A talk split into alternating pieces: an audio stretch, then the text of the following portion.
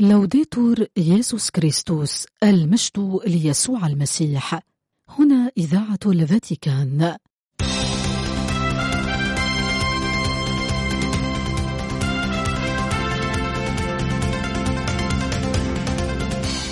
مستمعين الأحباء تحية طيبة من القسم العربي في إذاعة الفاتيكان. ننقل إليكم برنامجنا العربي اليومي حول نشاطات البابا والكرسي الرسولي وأخبار الكنيسة حول العالم. يمكنكم الاستماع إلى برامجنا والاطلاع على آخر الأنباء عبر الإنترنت على الموقع vaticannews.va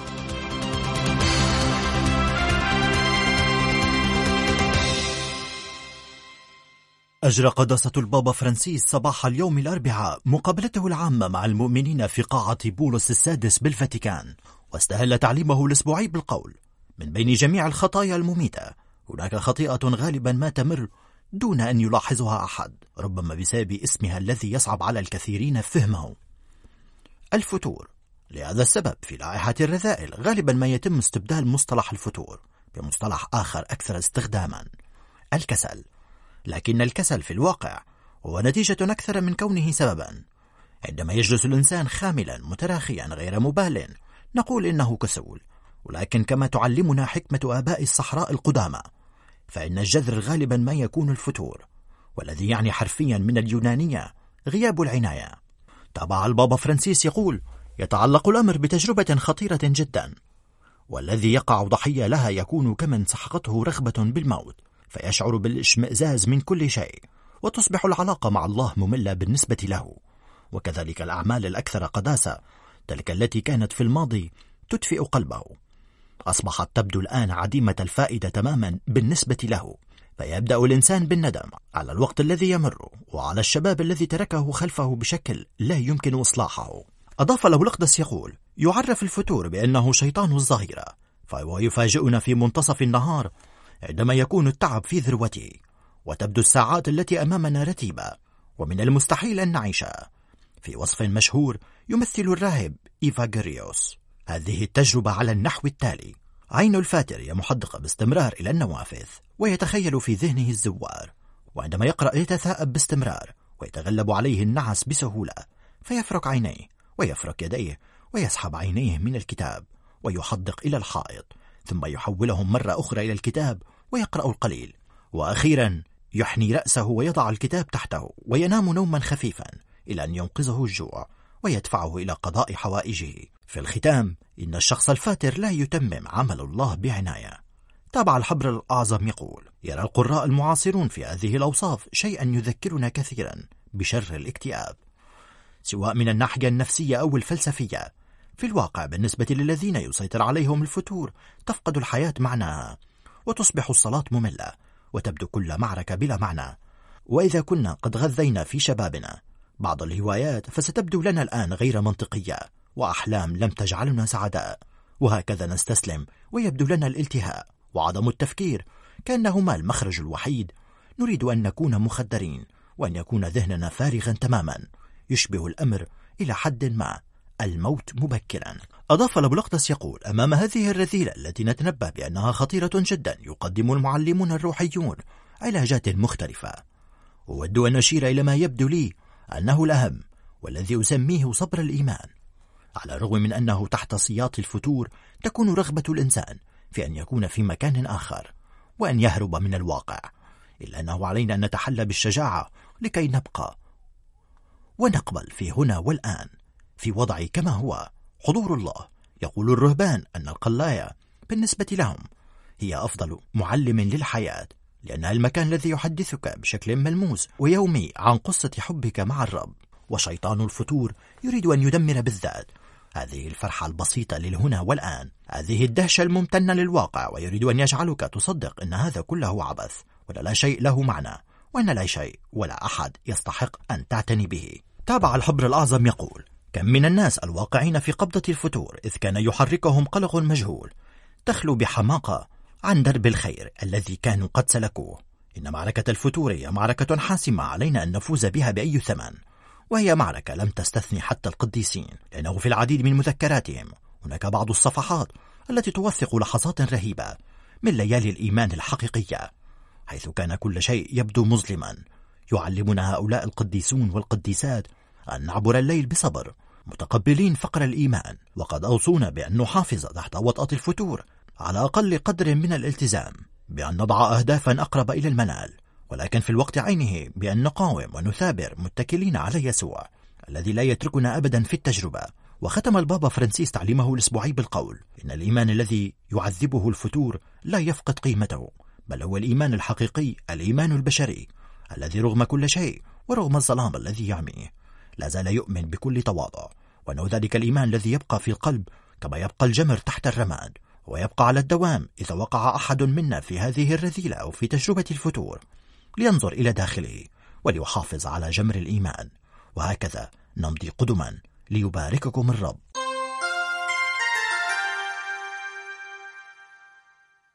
لمناسبة حملة الأخوة التضامنية التي يطلقها سنويا مجلس أساقفة البرازيل في زمن الصوم والتي بلغت عامها الستين وجه قداسة البابا فرانسيس رسالة أكد في بدايتها اتحاده مع أساقفة البلاد وبينما نبدأ مسيرة زمن الصوم في رفع الشكر للرب على هذه السنوات الستين للحملة التي وصفها قداسته بمسيرة ارتداد تجمع بين الإيمان والحياة الروحانية والالتزام الأخوي محبة الله ومحبة القريب وخاصة من هم أكثر هشاشة واحتياجا إلى الاهتمام. ثم توقف الأب الأقدس عند موضوع حملة هذا العام ألا وهو الأخوة والصداقة الاجتماعية. وأيضا شعار هذا العام أنتم جميعا أخوة وأخوات. وقال إن بهذه الكلمات يدعو أساقفة البرازيل شعب البرازيل بأسره خلال زمن الصوم إلى مسيرة ارتداد انطلاقا من الرسالة العامة فراتيلي توتي التي وقعها قداسته في أسيزي في الثالث من تشرين الأول أكتوبر عام 2020 عشية الاحتفال بعيد القديس فرانسيس. وتبع البابا متحدثا عن كوننا مدعوين إلى بناء أخوة عالمية حقيقية تدعم حياتنا في المجتمع وعيشنا على الأرض بيتنا المشترك وذلك بدون نسيان السماء حيث سيستقبل الآب الجميع كأبنائه وبناته. وتبع البابا فرانسيس رسالته مشيرا إلى ما نرى في العالم من ضلال وعلامات انغلاق على الذات وأراد من هذا المنطلق التذكير بالحاجة إلى توسيع دوائرنا لبلوغ من لا نشعر بهم بتلقائية جزءا من عالم اهتماماتنا وإلى مد محبتنا لتشمل كل كائن حي وذلك بهزيمة الحدود وتجاوز الحواجز. ثم أعرب الأب الأقدس عن الرجاء أن تجني الكنيسة في البرازيل ثمارا جيدة لمسيرة زمن الصوم هذه وأن تساعد حملة الأخوة هذا العام أيضا. الأشخاص والجماعات في هذا البلد الحبيب في مسيرة الارتداد إلى إنجيل ربنا يسوع المسيح متجاوزين الانقسام واللامبالاة والكراهية والعنف. ثم ختم الأب الأقدس رسالته لمناسبة حملة الأخوة التي يطلقها مجلس أساقفة البرازيل في زمن الصوم من كل عام. موكلا هذا الرجاء إلى العذراء سيدة أباريسيدا ومنح قداسته البركة الرسولية للجميع وخاصة العاملين من أجل الأخوة العالمية كما وسأل البابا فرانسيس مواصلة الصلاة من أجله.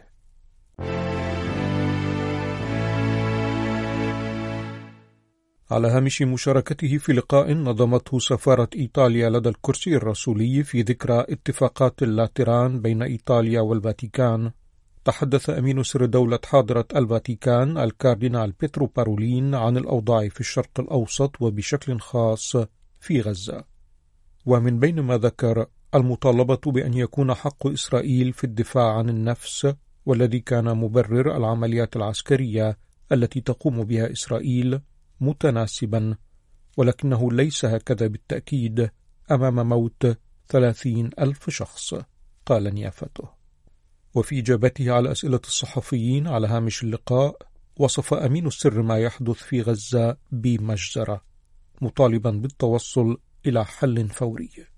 وقال الكاردينال بارولين إنه قد تم خلال اللقاء الذي شارك فيه عن الجانب الإيطالي رئيس الجمهورية سيرجيو ماتاريلا ورئيسة الوزراء جورجا ميلوني ورئيسا مجلسي الشيوخ والنواب التطرق إلى الأزمات الكثيرة التي تعصف بالعالم اليوم وتحدث عن صعوبة التوصل إلى حلول إلا أن الكرسي الرسولي وإيطاليا يسعيان إلى تقديم إسهام بإمكانه أن يكون إيجابيا وأن يطلق مسيرات سلام. هذا وأكد أمين سر دولة حاضرة الفاتيكان في حديثه عن غزة أنه لا يمكن استمرار هذا الوضع ويجب التوصل إلى طرق أخرى لحل مشكلة غزة والقضية الفلسطينية. وتبع أن الحلول السلمية لهذا النزاع تبدو بعيدة حاليا مع الأسف إلا أنه من الضروري عدم فقدان الرجاء. وذكر بحديث القديس أوسطينوس عن كون الرجاء قائما على الاستياء والشجاعة وتبع الكاردينال بارولين متحدثا عن قناعته باستياء الجميع مما يحدث حاليا أمام هذه المجزرة ولكن علينا التحلي بشجاعة السير قدما وعدم فقدان الرجاء لأننا في حال فقدانه سنظل مكتوفي الأيادي. بينما هناك حاجة إلى المكافحة سعيا إلى تقديم إسهامنا. وفي إجابته على أسئلة الصحفيين حول علاقات الكرسي الرسولي وإيطاليا وصف أمين سر دولة حاضرة الفاتيكان اللقاء الذي نظم في السفارة الإيطالية بالإيجابي جدا مشيرا إلى التطرق خلال هذا اللقاء إلى عدد من المواضيع التي تم التعمق في بعضها.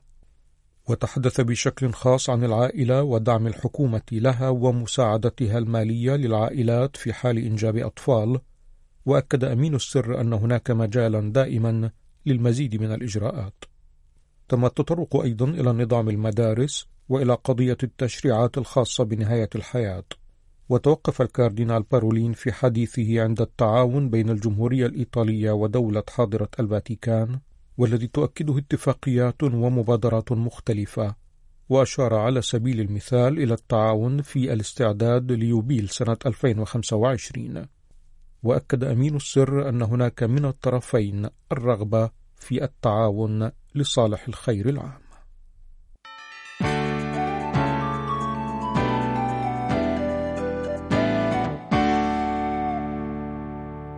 سيكون البابا الرابع الذي سيسير بين قنوات وشوارع البندقية بعد البابا بولس السادس في عام 1972 والبابا يوحنا بولس الثاني في عام 1985 والبابا بنديكتوس السادس عشر في عام 2011 سيكون دور البابا فرانسيس لزيارة البندقية يوم الأحد المصادف الثامن والعشرين من نيسان أبريل بعد ثلاثة أيام من عيد شفيع البندقية القديس مرقس وفي بيان مشترك لدائرة الثقافة والتربية وبطريركية البندقية تم الإعلان عن اللحظات التي ستميز الزيارة البابوية. سيكون هناك وقفة في جناح الكرسي الرسولي في المعرض الفني الدولي الستين للبندقية في سجن جوديكا للنساء ولقاء مع الجماعة الكنسية للبطريركية. أما البرنامج النهائي تحدد المذكرة سيتم الإعلان عنه قريبا. أثار خبر زيارة البابا فرانسيس إلى البندقية شعورا بالفرح والامتنان لدى البطريرك فرانشيسكو موراليا الذي كان خلال الأيام الماضية الأخيرة قد ترأس وفد الأساقفة من شمال شرق البلاد في زيارة إلى الفاتيكان. ويوضح المونسنيور موراليا إن زيارة البابا فرانسيس ستكون زيارة تحت شعار المحبة والثقافة وسيزور الأب الأقدس جناح الدورة الستين للمعرض الفني الدولي. وزيارة السجناء هي عمل الرحمة الجسدي الثاني من ثم نحن نفكر في حدث يكون الشباب رواده ثم سيتم الاحتفال بالإفخارستيا التي ستكون ذروة الزيارة بأكملها. لنستعد جيدا روحيا وشخصيا وجماعيا. إنه حدث نعمة مهم عليه أن يعيد إطلاق مسيرة إيماننا وشهادتنا المسيحية في أراضينا وفي مدينتنا. عبر عن فرحه أيضا عمدة البندقية لويجي برونيارو سيكون يوما تاريخيا لمدينتنا ومنطقتنا. نحن ننتظر قدوم الأب الأقدس برعدة كبيرة ونشكره منذ الآن على منحه للبندقية عطية صلاته وكلمته من أجل تجديد إيماننا في الكنيسة. إن زيارته الثمينة وبعيدة النظر ستعزز قيم السلام والحرية والديمقراطية والدبلوماسية لمدينتنا وجماعتنا المكرسة تاريخيا للاستقبال والحوار بين الشعوب من مختلف الثقافات واللغات والأديان. نحن ننتظر البابا بأذرع مفتوحة. يسعدنا أن نستقبل البابا فرانسيس بيننا بترحيب حار وتأثر قال رئيس منطقة فينيتو لوكازايا نحن ننتظره بالكثير من المشاعر لزيارته الجديدة لمنطقتنا في البندقية المدينة الرمز التي تلخص تاريخنا كله كجماعة ذات جذور مسيحية عميقة والتي تميزت دائما بانفتاح كبير على العالم أجمع. وأشكر البطريرك موراليا على جهوده لتحقيق ذلك. إن وصول البابا هو فرصة لكي نعيد التأكيد مجددا على الرابط الذي يمر من خلال شخصيات القديس البابا بيوس العاشر والقديس البابا يوحنا الثالث والعشرين والطوباوي البابا يوحنا بولس الأول وإنما أيضا بزيارة المعرض الفني الدولي لكي نقدم للبابا صورة حقيقية عن منطقتنا التي هويتها ليست أبدا الانغلاق على الذات وإنما البحث عن حوار مستمر بين مختلف الثقافات والأشكال الفنية. وفي مذكرة تحدث الأب أنطونيو سبادارو ونائب أمين سر دائرة الثقافة والتربية عن حدث رائع يسلط الضوء على أن موضوع المعرض الفني الدولي هو الأجانب في كل مكان ولا سيما موضوع جناح الكرسي الرسولي بعيني وهما موضوعين عزيزين على قلب البابا فرانسيس. إن فسحة الكرسي الرسولي تستلهم من كلمات البابا عندما يحثنا على الخروج والنظر. موضوع يرتبط بحقوق الإنسان والاهتمام بالأخيرين وبالعوالم المهمشة التي نادرا ما تصل إليها عيوننا. ولذلك فهي تروي قصصا مرتبطة بذلك الجوع للحياة والجوع للحب الذي يعرف الفن كيف يعبر عنه جيدا لأن الفن هو مرآة الروح. مهم أيضا وجود جناح الكرسي الرسولي في جوديكا لذلك سيلتقي البابا بالسجناء أيضا. لأنهم هم الذين يهتمون بالجناح.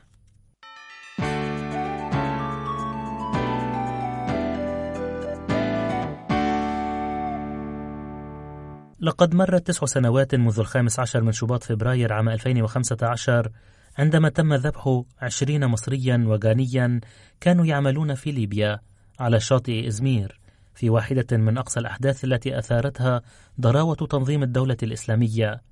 لقد طبع موتهم الشجاع بشكل عميق حياة الكنيسة القبطية وإنما حياة الكنائس الأخرى أيضا. وفي الحادي عشر من أيار مايو من العام الماضي في الفاتيكان خلال لقاء ووقفة صلاة مشتركة مع بابا الكنيسة القبطية الأرثوذكسية في الإسكندرية توادروس أعلن البابا فرانسيس أن الواحد والعشرين مسيحيا الذين قطعت رؤوسهم سيدرجون في سجل الاستشهاد الروماني كعلامة على الشركة الروحية. وفي الخامس عشر من شباط فبراير الجاري وبمناسبة الذكرى الأولى لهم في الكنيسة الكاثوليكية ستستضيف كابلة بازيليك القديس بطرس صلاة مسكونية عند الساعة الخامسة مساء. تنظمها دائرة تعزيز وحدة المسيحيين وسيترأسها الكاردينال كورت كوخ بمشاركة جوقة قبطية. وستعرض ذخائر الشهداء التي قدمها البابا توادروس إلى البابا فرانسيس لإكرام المؤمنين. بعد ذلك سيتم عرض فيلم الواحد والعشرون قوة الإيمان وهو فيلم وثائقي تم إنتاجه في مسقط رأس الشهداء برعاية بطريرك الكنيسة القبطية الأرثوذكسية في مكتبة أفلام الفاتيكان.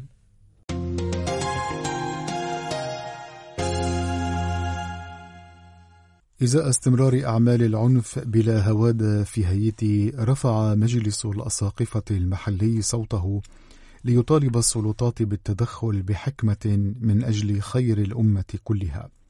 في وقت شدد فيه رئيس أساقفة أمس أفو ميراغوان ونائب رئيس مجلس الأساقفة المطران بيير أندري دوما شدد على ضرورة بداية عملية انتقالية سلمية للسلطة مضيفا في حديث لموقعنا الإلكتروني أن المجتمع يشله الخوف فيما لا تزال المدارس مقفلة منذ أسابيع تخوفا من وقوع هجمات جديدة. من الواضح أن أساقفة هايتي الكاثوليك يرفضون الاستسلام للأمر الواقع ولم تحبط عزيمتهم آخر موجة من أعمال العنف التي أسفرت عن سقوط المزيد من القتلى والجرحى. ومنذ أيام قليلة اختطف قريب إحدى الرئيسات العامات ولم يعرف شيء عن مصيره لغاية اليوم. تماما كما حصل مع الراهبات الست التابعات لرهبنة القديسة حنة قبل أن يطلق سراحهن في الخامس والعشرين من كانون الثاني يناير الماضي بعد بضعة أيام على اختطافهن.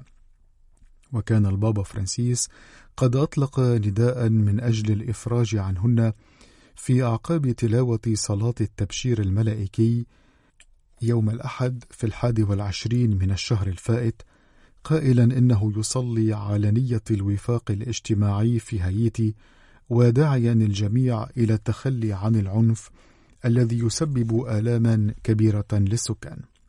إزاء كل ما يجري رفع مجلس الأساقفة صوته متوجها إلى السلطات المحلية ومناشدا إياها بسم الله أن تعمل على وضع حد لمعاناة الشعب. ليس هذا النداء الأول الذي يطلقه الأساقفة الهيتيون، إذ سبقته نداءات وبيانات وتصريحات كثيرة لم تلقى آذانا صاغية لغاية اليوم، بيد أن محبة الأساقفة تجاه بلادهم والشعب تدفعهم إلى إطلاق صرخة جديدة وبصوت أعلى، ليقولوا كفى لجرائم القتل والاغتصاب والخطف التي تشهدها البلاد منذ ثلاث سنوات. جاءت هذه الصرخة المدوية في رسالة حملت توقيع أساقفة البلاد الكاثوليك العشرة ووجهت إلى السلطات المحلية تدعوها إلى إدراك مدى خطورة الوضع الراهن وتحثها على اتخاذ موقف حكيم يصب في صالح الأمة كلها والتي باتت اليوم مهددة من أساسها. من بين الأساقفة الهيتيين العشرة الذين رفضوا الاستسلام للوضع الراهن المطران بيير أندري دوما نائب رئيس مجلس الأساقفة المحلي وراعي أبرشية أنس أفو ميراغوان التي وقعت فيها عملية اختطاف الراهبات الست الشهر الماضي وقد عرض سيادته على الخاطفين أن يحتجزوه هو ويطلقوا سراح الراهبات ومما لا شك فيه أنه مطلع تماما على الصراعات الدائرة بين العصابات المسلحة والتي تهدد بنشوب حرب أهلية في البلاد. في حديثه لموقعنا الإلكتروني شدد المطران دوما على ضرورة أن يقوم رئيس الوزراء الحالي بقيادة عملية انتقالية سلمية للسلطة بغية الحيلولة دون إراقة المزيد من الدماء.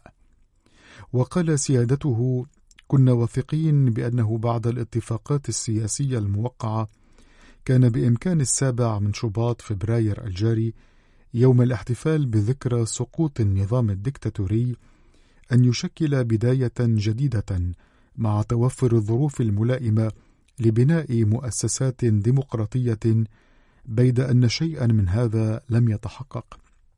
وأضاف سيادته أن الشعب لم يعد يحتمل الوضع الراهن مشيرا إلى أنه يرى في الأفق بوادر ثورات واضطرابات. وقال إن الناس سئموا من الموت والفقر مشددا على أن الكنيسة تقف إلى جانب الشعب ومن واجبها أن تجعل الجميع يفهمون أهمية البحث عن حلول سلمية. وذكر بأن الأساقفة الكاثوليك وجهوا هذا النداء إلى السلطات ودعوها إلى اتخاذ خطوات شجاعة مستلهمين إياها من الحكمة. وحذر الأسقف الهيتي من أن المجتمع بات اليوم على شفير الانهيار ويشله الخوف تماما موضحا أن الأطفال لا يترددون إلى مقاعد الدراسة منذ أربعة أسابيع لأن المعاهد التربوية أقفلت أبوابها بسبب تفاقم أعمال العنف. وهذا تابع يقول ليس إلا مؤشرا للفشل بعدها تطرق المطران دوما إلى الرسالة التي وجهها إلى مؤمني أبرشيته لمناسبة بداية زمن الصوم موضحا أنها تتضمن إشارة إلى المسيرة التي تقود نحو الحرية الحقيقية والتي ترتكز إلى السلام والمحبة الأخوية.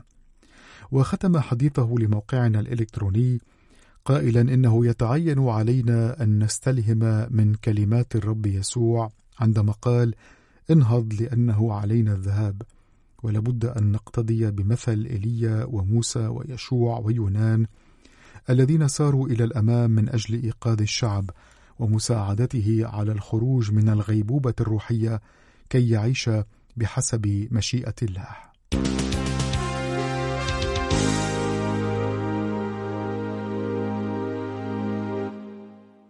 أعرب أنطونيو غوتيريش الأمين العام للأمم المتحدة عن القلق بشأن تدهور الأوضاع والأمن المتعلق بتوصيل المساعدات الإنسانية في غزة وفي حديث مقتضب للصحفيين قبل توجهه للمشاركة في اجتماع في مجلس الأمن أشار الأمين العام إلى انهيار النظام العام في غزة وتحدث عن القيود المفروضة من إسرائيل بما يحد من توزيع المساعدات.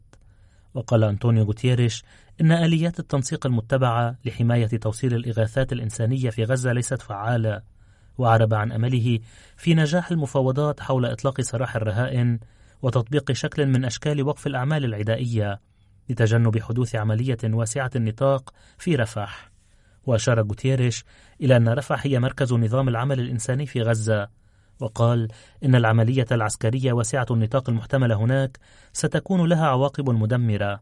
وردا على سؤال حول مقتل صحفيين آخرين في غزة اليوم أعرب الأمين العام عن انزعاجه البالغ بشأن عدد الصحفيين الذين قتلوا خلال هذا الصراع وقال إن حرية الصحافة هي شرط أساسي ليعرف الناس حقيقة ما يحدث في كل مكان حول العالم.